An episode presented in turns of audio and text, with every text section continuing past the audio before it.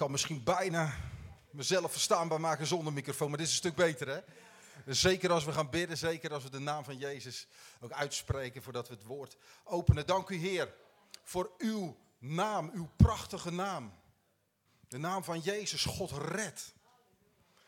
Heer, u bent Emmanuel. Heer, u heeft geopenbaard dat u een God bent die met ons is. Heer, en we zijn hier bij elkaar in uw naam. En daarom bent u met ons. Daarom bent u hier in ons midden, Heer. En daarom heeft u ook voor ieder die hier is iets persoonlijks. Mogen we dat ook zo niet alleen weten, maar ook ervaren door, door de aanbidding. Ook heerlijk om zo het avondmaal te vieren. Dat we mogen proeven en voelen dat u bij ons bent, dat u met ons bent. Maar ook als we het woord openen, Heer, u heeft voor ieder die hier zit iets persoonlijks te zeggen. En daarom openen we onze harten voor u, Heer. Ga de rijen langs, Heer, en raak iedereen persoonlijk aan. In Jezus' naam. Amen. Amen. Goedemorgen, kom en zie schinnen. Fantastisch om hier te zijn. Allereerst een hartelijke groet natuurlijk uit Rotterdam. En het is een, was een behoorlijke rit om hier te komen. Moet eerlijk bekennen dat het voor Angela en mij ook de eerste keer is dat we hier zijn. Ja, schande hè, schande. maar het is goed om hier te zijn. En ik merk gewoon dat God bezig is in Rotterdam op een hele bijzondere manier, maar ik proef het ook hier. Ik hoor het natuurlijk ook van um, ons apostolisch team. En dat ook hier een adviesteam is. Cornelis en Jaap en Dick. En uh, hun lieve vrouwen.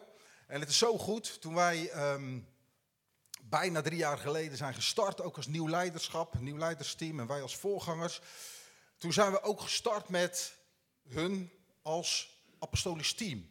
Want we vonden het zo belangrijk, we ervaren dat God nieuwe dingen wilde doen. En we waren jong, nog steeds. En je wil, God wil ook nieuwe dingen doen. Maar het is ook zo belangrijk dat je weet waar je vandaan komt. Dat je weet wat je identiteit is, je geestelijke erfenis is, waar je roots liggen. En dat er mensen zijn die houden van de gemeente. Die zelf geen eigen ambities hebben, maar die gewoon liefde hebben voor de gemeente ruimte geven. En dat geeft ons zoveel.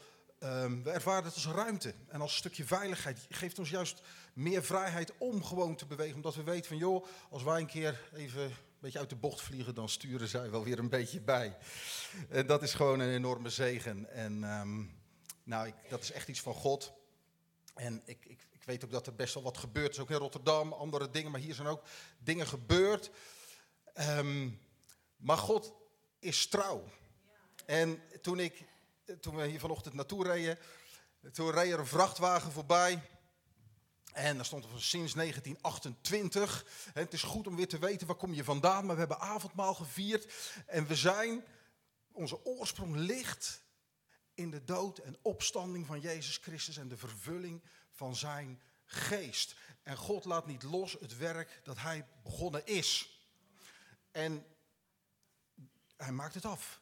En wat er ook gebeurt, want we leven ook in een tijd, we zien een hoop dingen en soms instabiliteit en crisis hier en crisis daar. Maar dwars door alles heen is God trouw.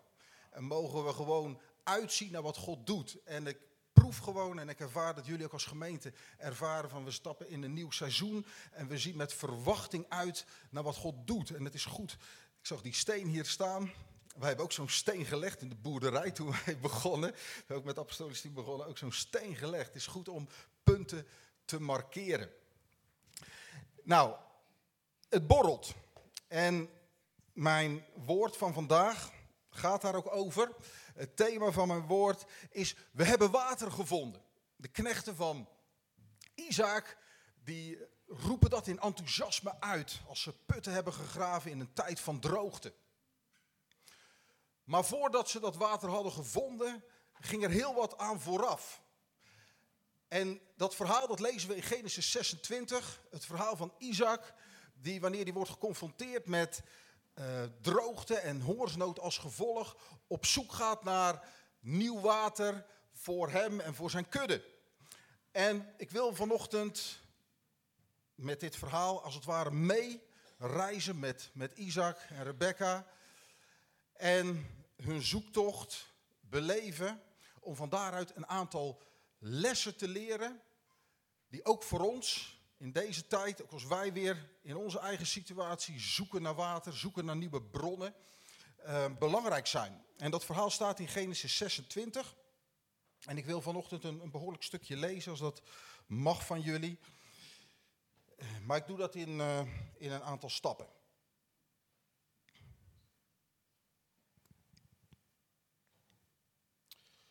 Genesis 26 vanaf vers 1. En ik lees het uit de nieuwe vertaling, de MBV 21.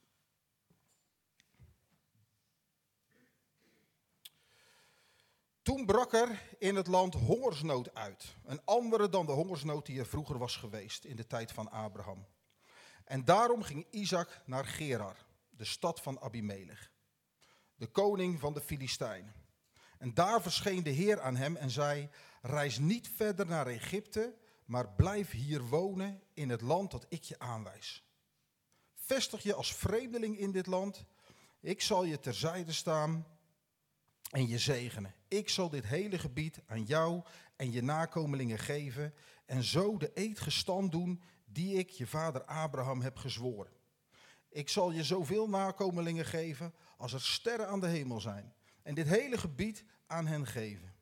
En dankzij jouw nakomelingen zullen alle volken op de aarde zich gezegend noemen.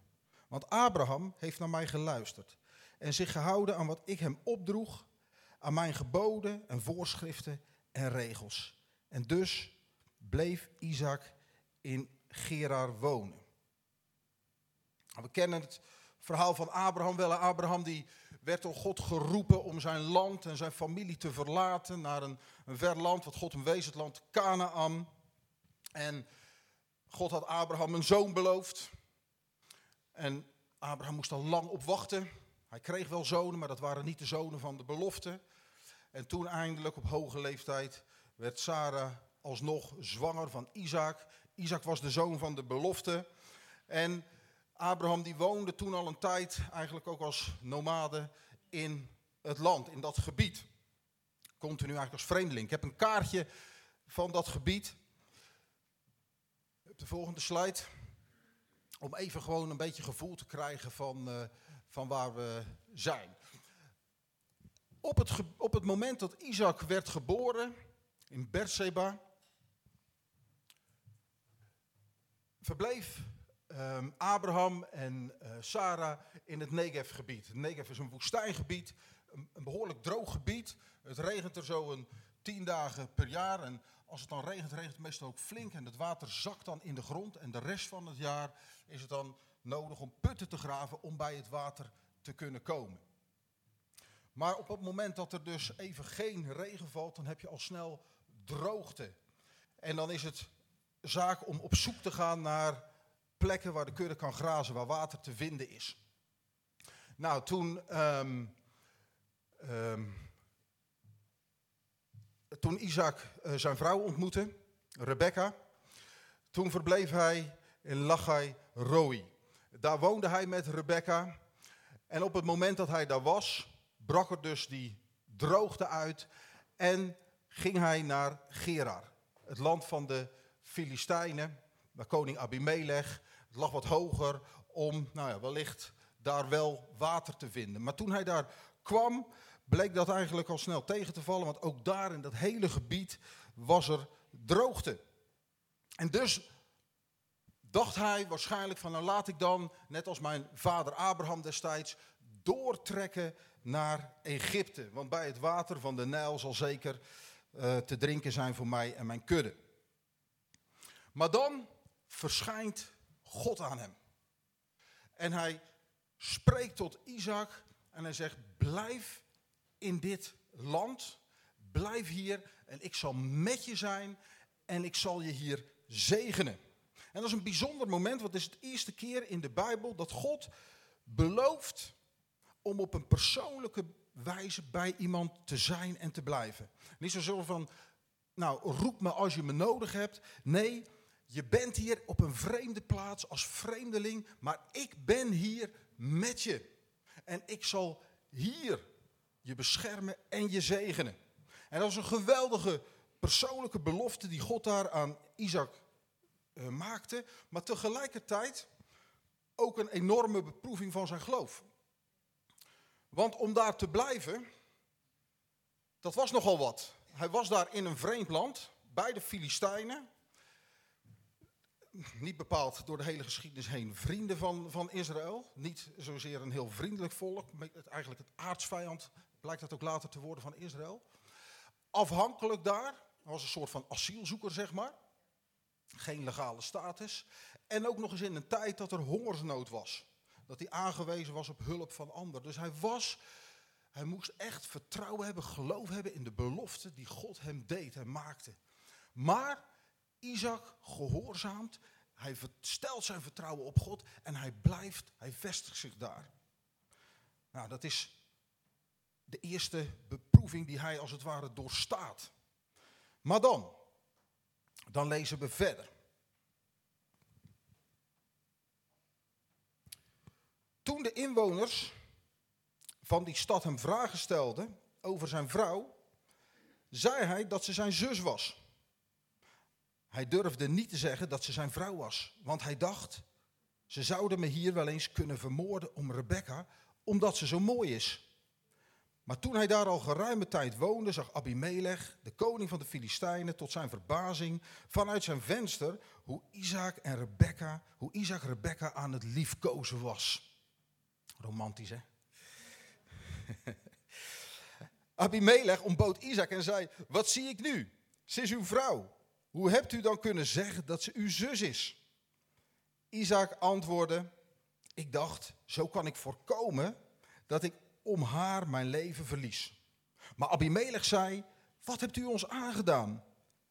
Er had nu gemakkelijk iemand van mijn volk met uw vrouw kunnen slapen. En dan zouden wij door uw toedoen schuldig zijn geweest.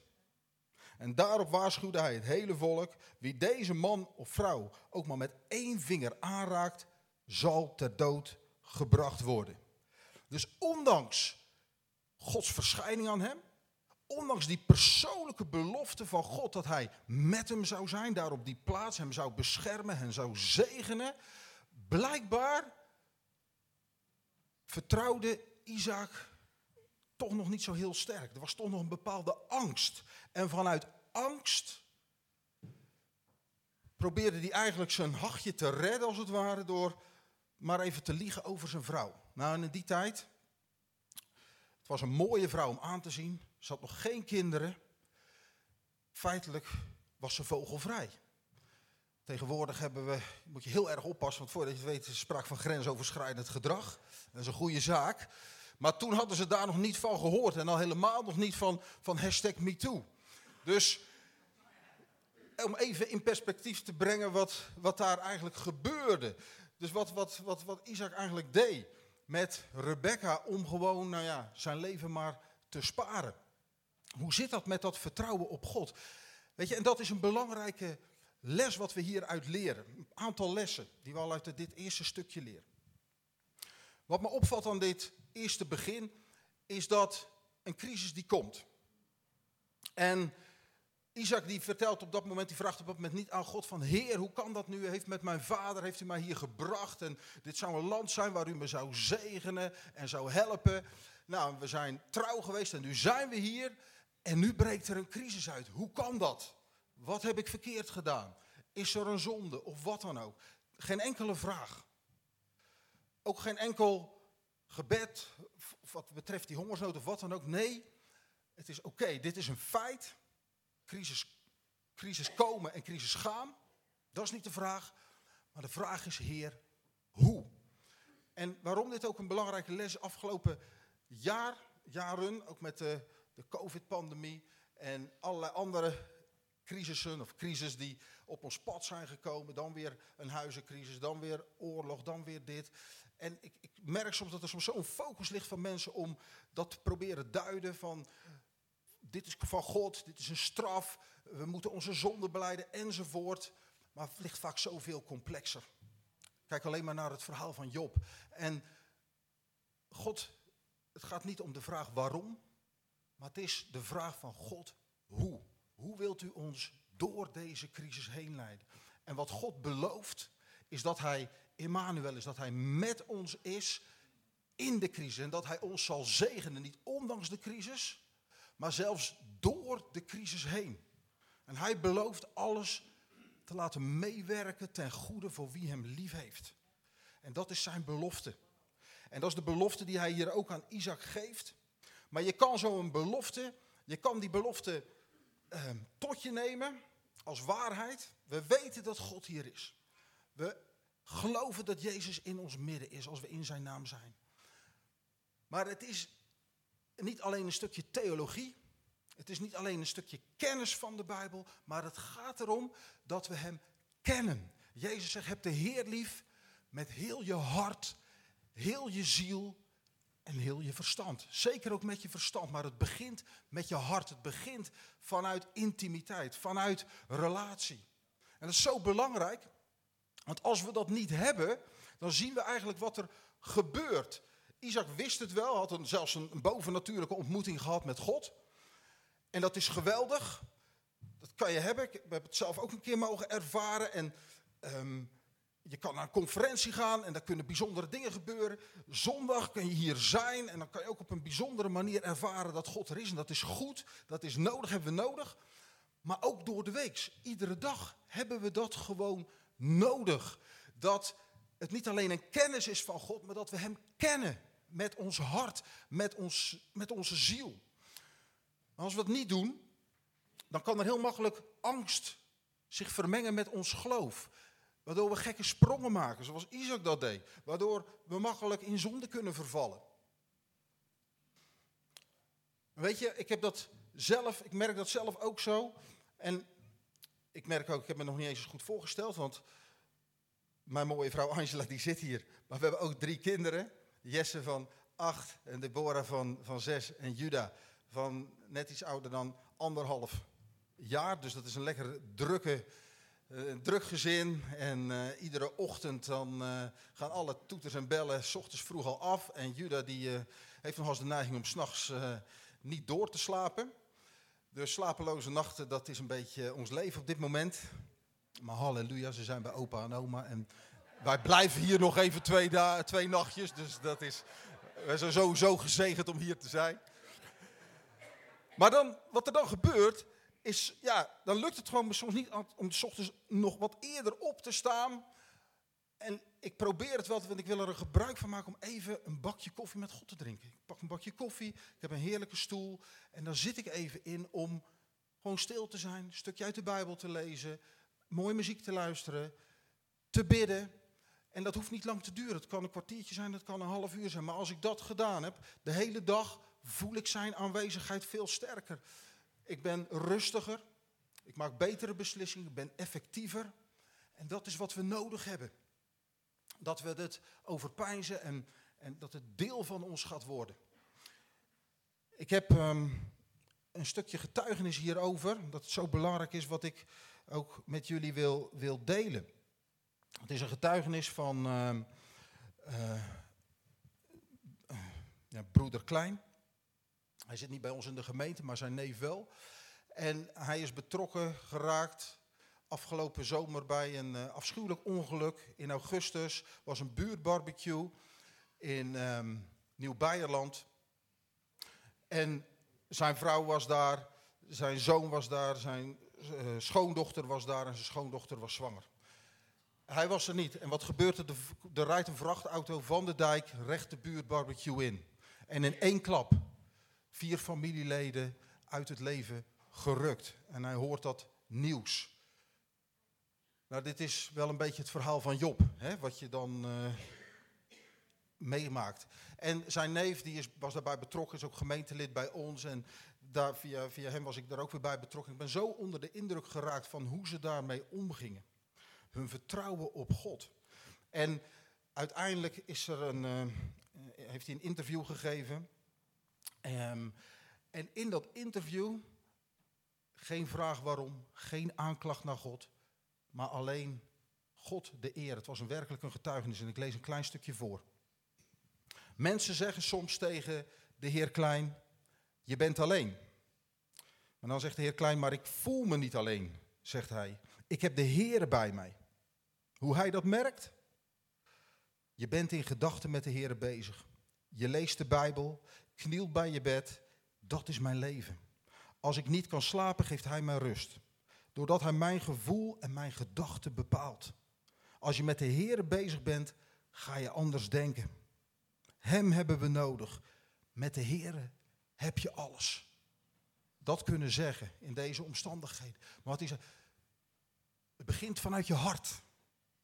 God geeft een vrede die alle verstand te boven gaat. Als je getroffen wordt door een crisis, op dat moment heb je niet zoveel aan kennis, verstandelijke kennis. Want de vrede die God in een crisis geeft, is een vrede die alle verstand te boven gaat. Het begint in je hart. En van daaruit beïnvloedt het je gedachten. En dat is zo belangrijk. God wil je zegenen vanuit relatie. Leer hem kennen, niet alleen met je verstand, maar met heel je hart en ziel.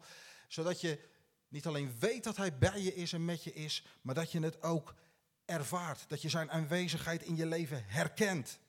Zodat als het moeilijk is, als er een crisis komt, dat je kan handelen. Niet uit angst, maar uit geloof. Het verhaal gaat verder. In vers 12. Isaac zaaide in dat land en hij oogste nog hetzelfde jaar honderdvoudig. Want de Heer zegende hem.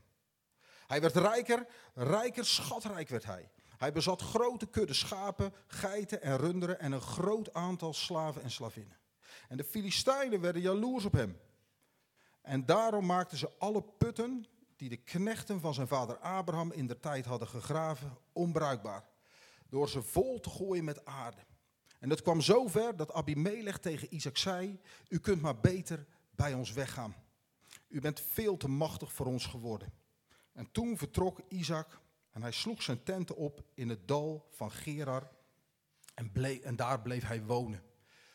Nou, Isaac had duidelijk geleerd, want hij zaait zijn zaad. En dat is een, een geloofsdaad.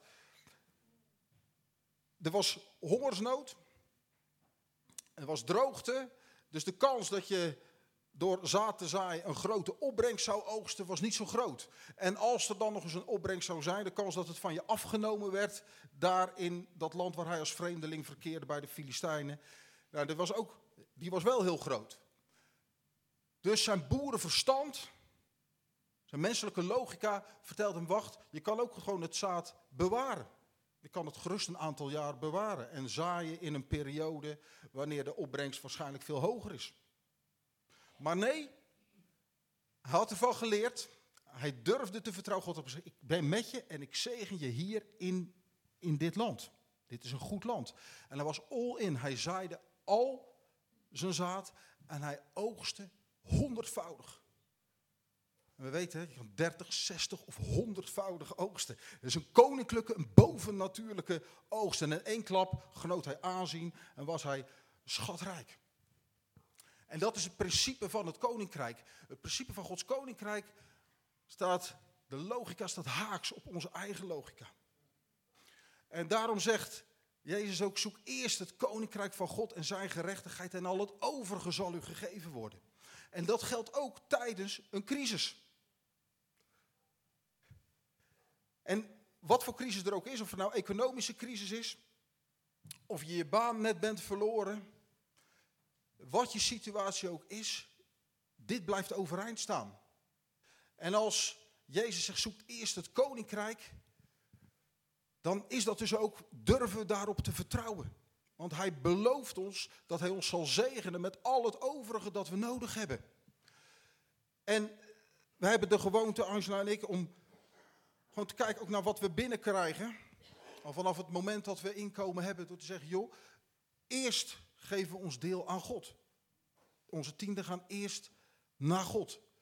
En pas dan kijken we wat er overblijft voor andere dingen. Iedere maand, direct als dat gestort wordt, gaat dat weg. Eerstelingen, daar willen we God eren. Hij, zijn koninkrijk heeft prioriteit op alle terreinen in ons leven. En de, de test ehm, komt meestal naar voren als het gaat om tijd en als het gaat om financiën. Want durf je dan ook echt op hem te vertrouwen? Ook met tijd. komen het, en ik zeg het hier vrij, hè, want ik ben hier gewoon te gast en jullie hebben daar geen last van. Maar in onze gemeente loopt best vaak tegen ehm, het punt aan dat mensen geen tijd hebben. En ik ervaar het zelf ook. Tijd staat onder druk. We leven in een maatschappij dat er gewoon. Je, er wordt van alles aan je gevraagd. En, en nou, Angela werkt nog. Je hebt de gemeente, je hebt je gezin. En dat is een struggle. Dat is, dat is lastig. Maar ook daarin. Zoek eerst het koninkrijk van God. Mag God prioriteit krijgen? Het is nooit een kwestie van tijd. Het is altijd een kwestie van prioriteit. Wil je in je agenda eerst kijken van Welke tijd heb ik nodig om te doen wat God van me vraagt? En wat blijft er dan over? En je zal zien dat je honderdvoudig oogst. Weet je, drukke mensen hebben altijd tijd. Die ochtend, die tijd apart zetten voor God. Je krijgt het terug in de dag. Je denkt dat je geen tijd hebt, maar je krijgt het terug. Dat is de wetten, zijn de wetten van het koninkrijk. En Isaac had die inmiddels wel geleerd, dat is wel duidelijk. Als je ziet hoe die nu zaait omdat hij vertrouwt op de beloftes van God. dat is een belangrijke les ook. Blijf investeren in het koninkrijk van God. Wat je omstandigheden ook zijn, crisis of geen crisis, en ontvang een honderdvoudige oogst. Nou, Isaac wordt dus gigantisch gezegend en de Filistijnen die worden jaloers. Krijg je mee te maken. En wat doen ze? Ze gooien de waterputten dicht die destijds nog door zijn vader Abraham daar waren gegraven. En Abimelech die verzoekt ze om te vertrekken. Dus Isaac die vertrekt en gaat in het dal van Gerar wonen, een eentje verderop, en vestigt zich daar. Hij was al een vreemdeling, wordt nu weggestuurd en moet zich opnieuw, ja, moet opnieuw een plek vinden, moet opnieuw water vinden. En laten we lezen wat er dan verder gebeurt in vers 18. De waterputten in die tijd van zijn vader Abraham waren gegraven. En die Filistijnen waren gegraven en die, de Filistijnen na Abrahams dood hadden dichtgegooid, groef Isaac weer open. En hij gaf ze dezelfde namen als zijn vader ze had gegeven. Daarmee bevestigde even van, van wie ze werkelijk waren door ze die namen te, te geven. Van hé hey, wacht, dit, en, Abimelech, de Abimelech van destijds, had ze ook toegezegd aan Abraham. En ook Isaacs knechten gingen in het dal aan het graven en zij troffen er een bron met helder water aan. Maar de herders uit Gerar maakten ruzie met Isaacs herders. Dat water is van ons, zeiden ze. Omdat hij daarover oneenigheid met hen had gekregen, noemde hij die bron Esek. Esek betekent ook oneenigheid. En toen groeven ze een andere put. En ook daarover kregen ze ruzie. En hij noemde hem daarom Sitna. Sitna betekent strijd. En daarna trok hij verder en weer groef hij een put. En hierover ontstond geen oneenigheid. En hij noemde hem Regobot. Want hij zei, nu heeft de Heer ons ruimte gegeven in dit land en wij kunnen ons uitbreiden. En vandaar trok hij naar Berseba. En s'nachts verscheen de Heer aan hem en zei: Ik ben de God van je vader Abraham. Wees niet bang, want ik sta je terzijde. En ik zal je zegenen en veel nakomelingen geven, omwille van mijn dienaar Abraham. En toen bouwde hij op die plaats een altaar, riep er de naam van de Heer aan, sloeg er zijn tenten op en zijn knechten begonnen daar een put te graven. Abimelech die stuurt Isaac weg. En er ontstaat oneenigheid over deze putten. Zelfs over de putten die, die in het verleden waren toegezegd aan zijn vader, waarop hij feitelijk recht had. Maar Isaac gaat er niet mee over, uh, gaat niet in discussie met, met de Filistijnen daarover. Hij gaat niet op zijn rechten staan. Hij gaat zelf de strijd niet aan, maar hij heeft inmiddels geleerd om op God te vertrouwen. En dat God met hem zou zijn waarheen hij zou gaan. Dus hij vertrekt, hij gaat naar een andere plaats in het vertrouwen dat God hem ook daar zou zegenen. En inderdaad, iedere keer vindt hij, graven ze put en vindt hij water. En dan ontstaat er oneenigheid. En er kan strijd ontstaan. En dat is ook wat je soms kan meemaken. Als je op zoek bent en, en door een moeilijke periode gaat. We hebben dat zelf ook wel ervaren, ook afgelopen jaren, soms ook in de gemeente. En wellicht dat jullie dat hier ook herkennen. En er kan oneenigheid ontstaan. En soms kan je er moedeloos van worden. Iedere keer strijd, iedere keer weer wordt het betwist. Maar zie wat Isaac hier doet. Hij blijft vertrouwen. Ga door. Geef niet op. Blijf doorgaan naar de putten die God wil geven. En dat is ook een seizoen. We ervaren dat in Rotterdam. En ik bid en ik geloof dat het ook iets mag zijn voor jullie hier in Schinnen. Het is een seizoen waarin je nieuwe putten mag graven. En wat er gebeurt uiteindelijk, leidt God Isaac naar Regelbot. Een plaats, Regelbot betekent ruimte. En ook daar vinden ze water, maar daar ervaren ze rust. Geen strijd, rust en de rust om uit te breiden, om te vermenigvuldigen. En ik bid echt ook over jullie. Misschien heb je het in je persoonlijk leven. Er zijn zoveel crisis op dit moment, er zijn zoveel dingen waardoor we heen moeten gaan. Maar God wil je leiden naar een regelbod, naar een plek van rust. Laat je niet ontmoedigen door tegenslagen, door strijd of door weerstand die je misschien soms voelt. Maar blijf doorgaan in vertrouwen op de Heer. En hij leidt je naar een seizoen waarin de ruimte komt om te groeien. We ervaren het in Rotterdam naar best wel wat, last, naar best wel wat lastige dingen. Ook naar COVID en het opstarten en veranderingen. En soms ook mensen die weg zijn gegaan. Mensen die een functie hebben neergelegd. Het was best wel lastig. Maar hou vast aan wat God je hebt heeft gegeven. En we ervaren nu ook een, een wind van de geest mee in de rug. En we staan versteld van wat God ineens doet. Nieuwe mensen die komen, die opstaan. Ineens mensen die, die op, opnieuw taken willen gaan opnemen. En we hebben ervoor gebeden, maar God doet meer dan wat we kunnen verwachten. En soms denken we, joh, wat, wat hebben wij nu eigenlijk gedaan? En God geeft het en hij breekt de weerstand. En als ik terugkijk, heb ik misschien soms zelf, dat is ook een leerproces, we zijn ook jong, we zijn ook lerend. Dat je toch vaak, ik denk, ja, maar God heeft dit aan me gegeven. En ik geloof dat dit de weg van God is. En soms zijn we misschien vaak, te vaak dan nog te veel de strijd over aangegaan. Achteraf heb ik ook mogen leren van, joh, hoeft niet. Ik hoef het niet te verdedigen. God doorbreekt de weerstand. God strijdt onze strijd. En wat doet um, Isaac dan? Hij gaat terug naar Berseba. De plaats waar hij geboren is. Een bijzondere plaats voor hem. En daar, wat hij doet, hij gaat daar naartoe om te aanbidden. Want hij bouwt een altaar. Hij zoekt het aangezicht van God. Hij wil hem aanbidden. En daar verschijnt God opnieuw aan hem. En dat is zo mooi. Isaac die heeft God leren kennen, heeft zijn aanwezigheid leren kennen, heeft zijn trouw gezien. En kan niet anders dan dat dat zich uit in aanbidding. En hij brengt daar offers op het altaar. En weet je, dat is ook iets wat wij ervan mogen leren. We mogen een leven van aanbidding leiden. Een, een, een altaar voor God bouwen en te offeren. Mag het je iets kosten om Hem te dienen? Mag het je iets kosten? We worden opgeroepen in de Romeinenbrief om een altaar te bouwen voor God waarop we ons zelf mogen leggen als levend, heilig offer, aangenaam voor Hem. Hem op de eerste plaats zetten. En dat is wat anders dan liedjes zingen in de kerk op zondag. Dat is wat anders als God dienen wanneer het je uitkomt. Of iets geven aan God wanneer je genoeg hebt. Nee, dat is waar we het net over gehad hebben. Eerst het koninkrijk van God zoeken. Dat is het getuigenis van, van broeder Klein.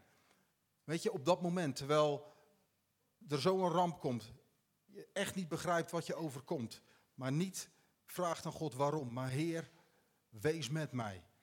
En Hem de eer geven. Weet je dat dat een kostbaar offer is voor God, om Hem zo te eren. Dat dat een getuigenis is. Wauw. Weet je, zo'n getuigenis wordt gezien. Pim die had het er net over van, joh, ik, we willen graag die liefde van Jezus uitdelen. En God, dat lukt mij nog niet altijd zo goed. En ik denk dat we dat allemaal hebben, hè, want het is uh, een uitdaging. Maar soms is het misschien ook minder het, het, het, het, wat wij denken hoe het zou moeten.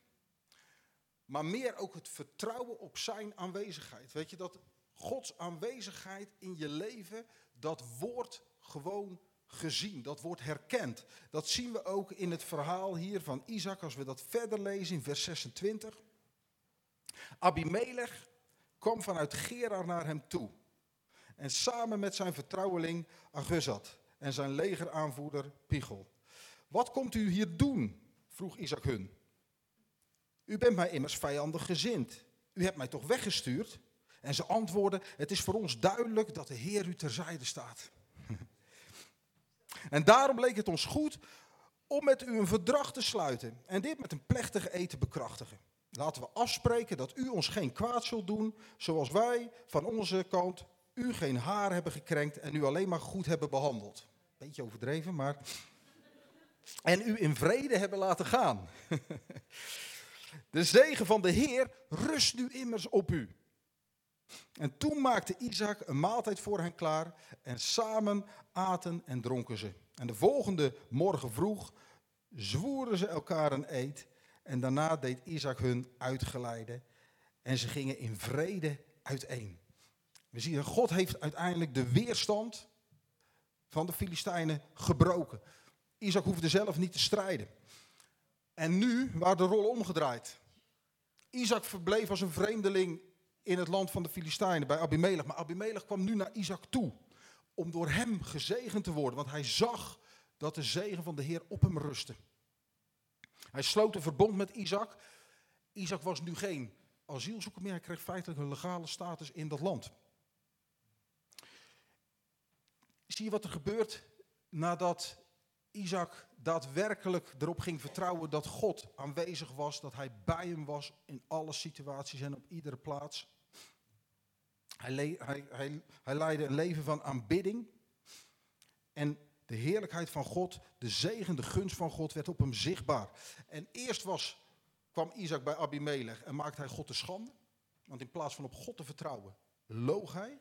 En uiteindelijk moest Abimelech Rebecca beschermen tegen alle anderen in plaats van God. Hij ontnam God feitelijk keer, maar nu was het omgedraaid. Nu kwam Abimelech naar Isaac om door hem gezegend te worden, omdat hij zag de gunst van de Heer, de zegen van de Heer, die rust op je. En dat is waar we het net over hadden.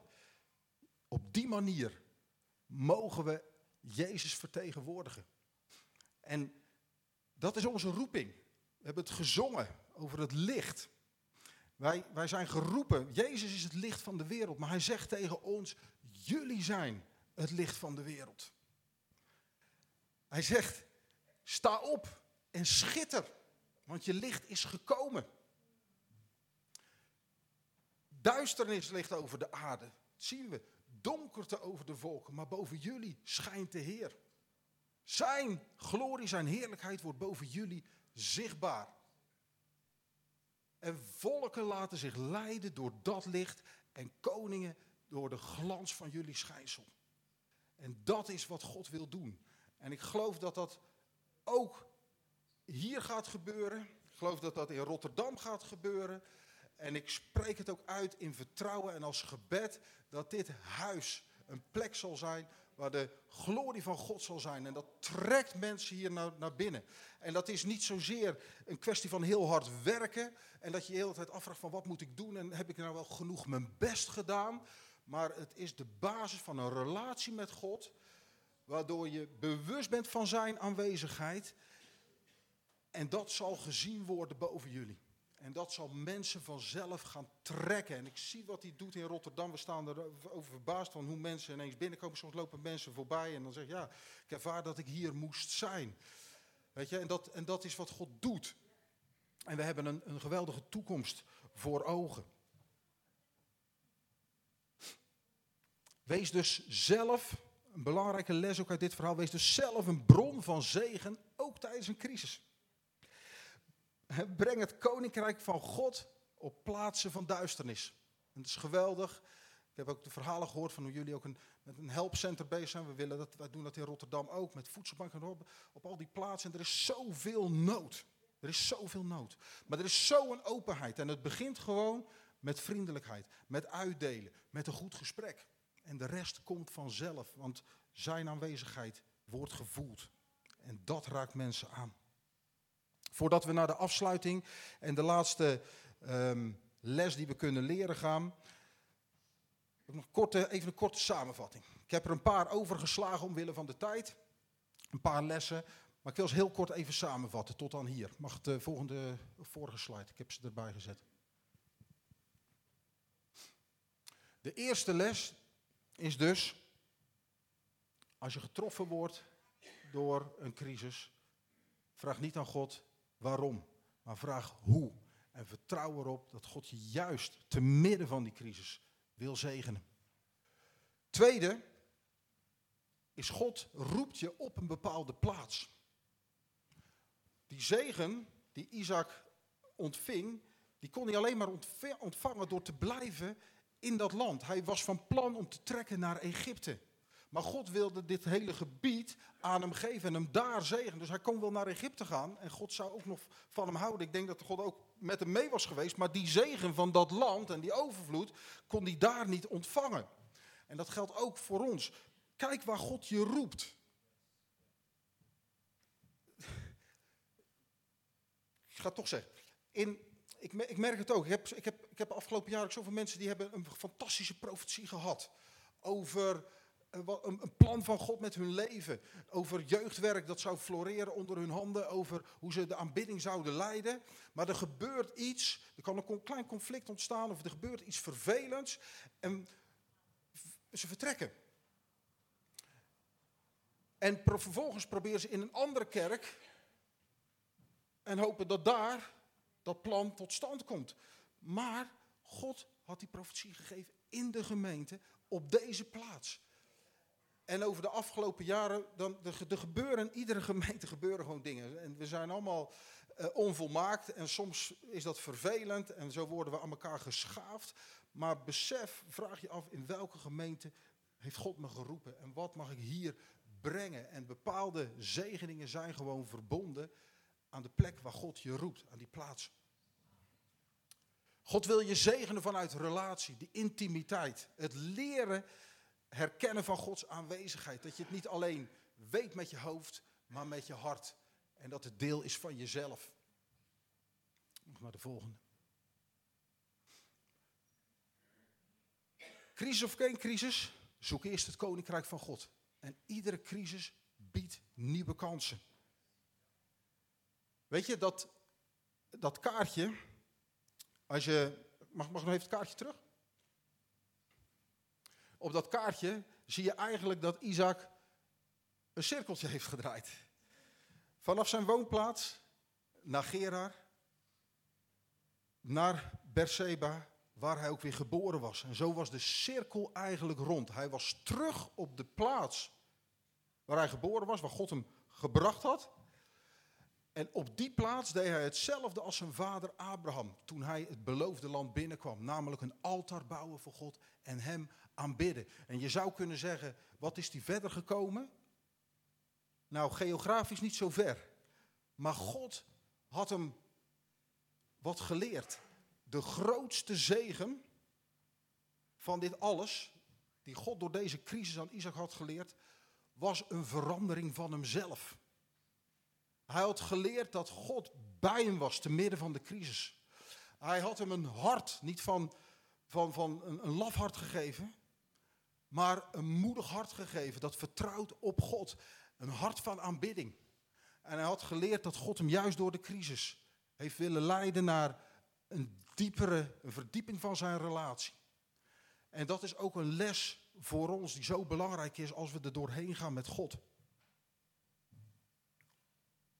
Fantastisch. De cirkel is rond. Isaac is weer op die plaats van waar hij kwam. Hij was dwars door een crisis heen gegaan met God, maar hij was inmiddels wel rijk geworden. Hij had een bron gevonden met levend water in een tijd van droogte, garantie op bescherming en zegen gedurende de crisis. Hij had een verbond gesloten met Abimelech, een legale status. Maar het belangrijkste is dat hij terug is op de plaats waar God nogmaals aan hem verschijnt. En waar God weer de belofte die hij aan zijn vader Abraham had gegeven, gestand doet. De crisis heeft het plan van God niet veranderd. De belofte staat nog, nog steeds. Maar Isaac is gezegend en is veranderd. En het hele verhaal van Isaac in Gera laat zien hoe God ons juist dwars door de crisis heen leidt. naar een dieper besef van zijn aanwezigheid in ons leven. En ik geloof dan ook van harte dat God dat tegen jullie als gemeente wil zeggen en in het bijzonder ook tegen het leidersteam. Ondanks alles, maar mijn plan met deze gemeente, mijn plan met jullie staat vast. En ik heb niet jullie ongeluk voor ogen, maar jullie geluk. En ik zal jullie een hoopvolle toekomst geven. En dat is altijd het woord van God. Dwars door de crisis heen. Zijn plan blijft staan. Zijn plan verandert niet. En zijn toekomstplan met jou, met u, verandert niet. Ik zal je een hoopvolle toekomst geven. Nou, tot slot, het laatste stukje. Vers 32. Diezelfde dag nog kwamen Isaacs knechten hem vertellen over de put die ze hadden gegraven. We hebben water gevonden, zeiden ze. Hij noemde die put Seba. En daarom heet de stad daar tot op de dag van vandaag Berseba. Put van de eet betekent dat. En terwijl dus Abimelech vertrekt, komen die knechten van Isaac aan en in hun enthousiasme roepen ze uit, we hebben water gevonden. Dat betekent dus nadat ze al in Regelbot waren, een plek waar ze water hadden, een plek waar, waar de ruimte was, waar er een plek waar God ze zegende, toch bleven ze doorzoeken naar water. En Isaac die ging dus naar, naar Berseba toe om daar God te aanbidden. En juist daar op die plaats van aanbidding vinden ze een nieuwe bron, nieuw water. Weet je, en dat is wat God wil doen. Vanuit aanbidding groeit je relatie met God, groeit je vertrouwen. Waardoor God je ook meer kan toevertrouwen. Weet je, en het is goed, en dat ervaren we ook in Rotterdam. En ik bid het ook jullie toe. Soms zijn er putten dicht gegaan. De putten van zijn vader Abraham waren dichtgegooid. Maar we hebben een, een rijke geschiedenis als kom en zie. En dat besef ik me heel goed. En dat is een, echt een eer dat we mogen staan op de schouders die ons zijn voortgegaan. En we hebben een, een, geestelijke erfenis. En het is belangrijk om die te koesteren. En soms kan er door omstandigheden, of er kunnen allerlei dingen gebeuren. We hebben allemaal te maken met Filistijnen om ons heen, maar ook in ons eigen leven. Filistijnen in ons hart. Die putten die er zijn geweest, dichtmaken. Waardoor er bepaalde dingen, en misschien denk je soms terug met, met weemoed of met nostalgie aan vroeger en aan dit en aan dat. Maar die putten die er zijn, die mag je gewoon weer opgraven. Maar het mooie is, dat zien we, dat zien we ook doen, Isaac graaft die putten weer op. En ze vinden weer dat water. Maar niet alleen dat, God zegent hem met nieuwe putten. En dat is ook de aanmoediging. Blijf doorgraven, want God wil altijd nieuwe dingen doen. God wil altijd meer doen. Wij hebben een bron, een onuitputtelijke bron. Jezus zei, alle die in mij geloven, stromen van levend water zullen uit jullie binnenste vloeien. En hij had het over de Heilige Geest. Onze bron die ons iedere keer weer geestelijke vernieuwing wil brengen. Die nooit opraakt. En die overal waar die komt, hoe door of dood het ook is, weer nieuw leven brengt. Weer nieuwe bloei brengt. Door het doodsbeenderen weer bekleed met vlees en pees en tot leven brengt. En hou vast aan die belofte. Laat je leiden door God. Blijf die nieuwe putten graven. En als je daar ook naar verlangt, als je zegt, ja, we staan aan een nieuw seizoen. En we danken God voor het verleden. En we verlangen er ook naar om, om die putten die er waren, die misschien nog dicht zijn, om die te openen en op te graven. Ga dan een moment staan. Dan wil ik voor je bidden. Dank u, Jezus. Dank u, Heer. Wauw, Heer, dat u ons heeft beloofd dat als we ons vertrouwen op u stellen, Heer Jezus. Wauw, dat, er een, dat we een bron zullen vinden. Een bron van levend water in ons binnenste die nooit zal ophouden te stromen, Heer. Heer, en ik dank u wel, Heer, voor deze tijd. Heer, waarin u opnieuw komt, Heer met uw geest. En dat u gewoon weer een nieuwe zalving heeft voor deze tijd, Heer. Een nieuwe zalving voor deze gemeente, Heer. Een nieuwe zalving, fris, voor de nieuwe leiders, Heer, die er zijn, Heer. Heer, en dank u wel, Heer, dat u alles laat meewerken ten goede, Heer. Heer, dat uw plan vaststaat. Heer, en ik dank u wel daarvoor. En, ik, en ik bid ook echt, Heer, daar waar nog, nog putten dicht zitten. Door alles wat er kan gebeuren in ons persoonlijk leven, in, om ons heen, ook in het leven van een gemeente, Heer. Heer, waar nog Filistijnen invloed hebben gehad op ons. Misschien zit er nog bitterheid.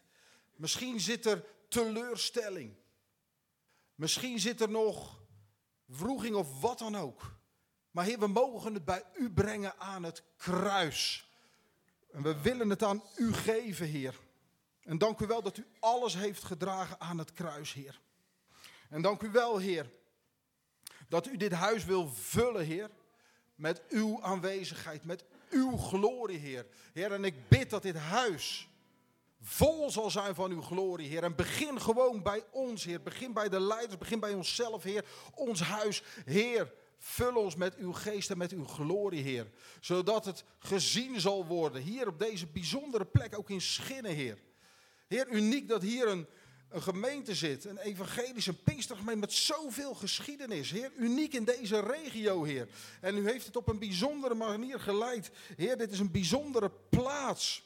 En u heeft een plan om van hieruit een, een bron van zegen te zijn voor de omgeving, Heer. Heer, en het is ons gebed en het is ook onze verwachting, Heer. Heer, dat uw heerlijkheid gezien zal worden in dit huis en boven dit huis, Heer. Heer, en dat u de mensen zal brengen, Heer. Dat de glorie van dit huis groter zal zijn dan ooit tevoren, Heer. Dat het bom en bom vol zal zitten, Heer, want dat is wat u wil geven, Heer. Heer, u geeft ons niet alleen de putten uit het verleden, Heer, maar u geeft nieuwe waterputten, Heer. Nieuwe bronnen, Heer. Dank u wel, Heer, dat, dat er stoelen bijgezet zullen moeten worden, Heer. Dank u wel, Heer, dat uw koninkrijk vanuit deze plaats verspreid en verbreid zal worden, Heer, in, in Limburg, Heer. Dank u wel, Heer, dat we dat mogen verwachten in vertrouwen. Niet omdat wij het kunnen, niet omdat wij het allemaal zo goed weten, Heer, maar omdat het uw plan is, Heer, en uw geest is, Heer. En wees zo, wees daarin gezegend in de machtige naam van Jezus Christus. Amen. Amen.